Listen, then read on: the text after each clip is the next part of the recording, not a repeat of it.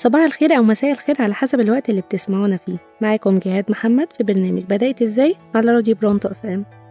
كل حاجة موجودة في حياتنا كان ليها بداية وفي برنامجنا هندور على البداية دي جت إزاي. هنتكلم النهاردة عن أهم حاجة في حياتنا كلنا وهي الفلوس.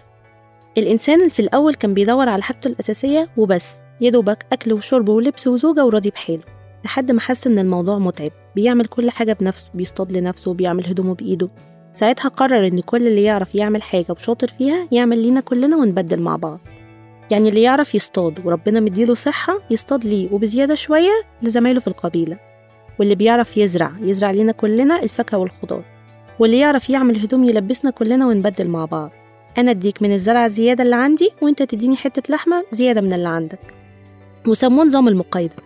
بس النظام ده ظهر له شوية مشاكل منها إن قيمة الحاجة ما كانتش محددة.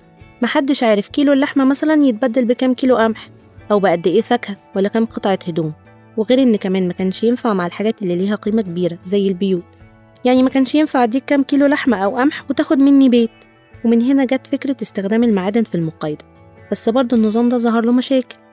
زي إن في كتير مش بيقدموا أي خدمة بس بيروحوا يدوروا على المعادن ويبدلوها بمنتجات نوع كده من أنواع التزوير.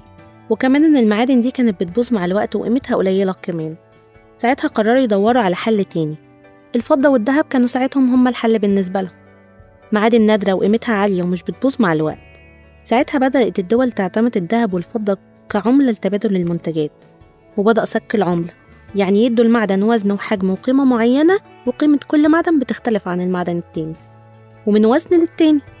بس العملات المعدن عملت مشاكل كتير خصوصا في السفر لأن وزنها تقيل مش بيعرفوا ينقلوها وكمان كانت بتتسرق بسهولة. ساعتها كان الحل الأمثل بالنسبة لهم هو الورق. والفكرة بدأت لما الناس اللي عايزة تشيل عملاتهم المعدنية عند حد أمين يحافظ عليها في غيابهم. والحد الأمين ده سموه الصراف. الصرافين زادوا وعشان الثقة تزيد وكل واحد يضمن حقه بدأوا يطبعوا أوراق مزخرفة بأشكال معينة زي الإيصالات كده. الصراف بيديها لأي حد يحط عنده فلوس عشان يضمن حقه. الأوراق دي كانت الفكرة للفلوس الورق اللي إحنا بنستعملها دلوقتي. وأول ورقة نقدية اتطبعت كانت في بنك ستوكهولم سنة 1656 الورقة دي كانت سند بيقول إن شايلها ليه دهب عند بنك ستوكهولم حسب القيمة المكتوبة على الورقة. ممكن يبدلها من البنك وقت ما يحب أو يستعملها نفسها في التعاملات مع الناس خصوصا إن هي خفيفة وسهل يخبيها عشان ما تتسرقش. دي كانت بداية ظهور الفلوس الورق اللي إحنا بنستخدمها دلوقتي. وإزاي بدأت؟ وإزاي انتهت؟ أنا جهاد عبد العليم وده برنامج بدأت إزاي؟ استنونا الحلقة الجاية في راديو برونتو إف إم.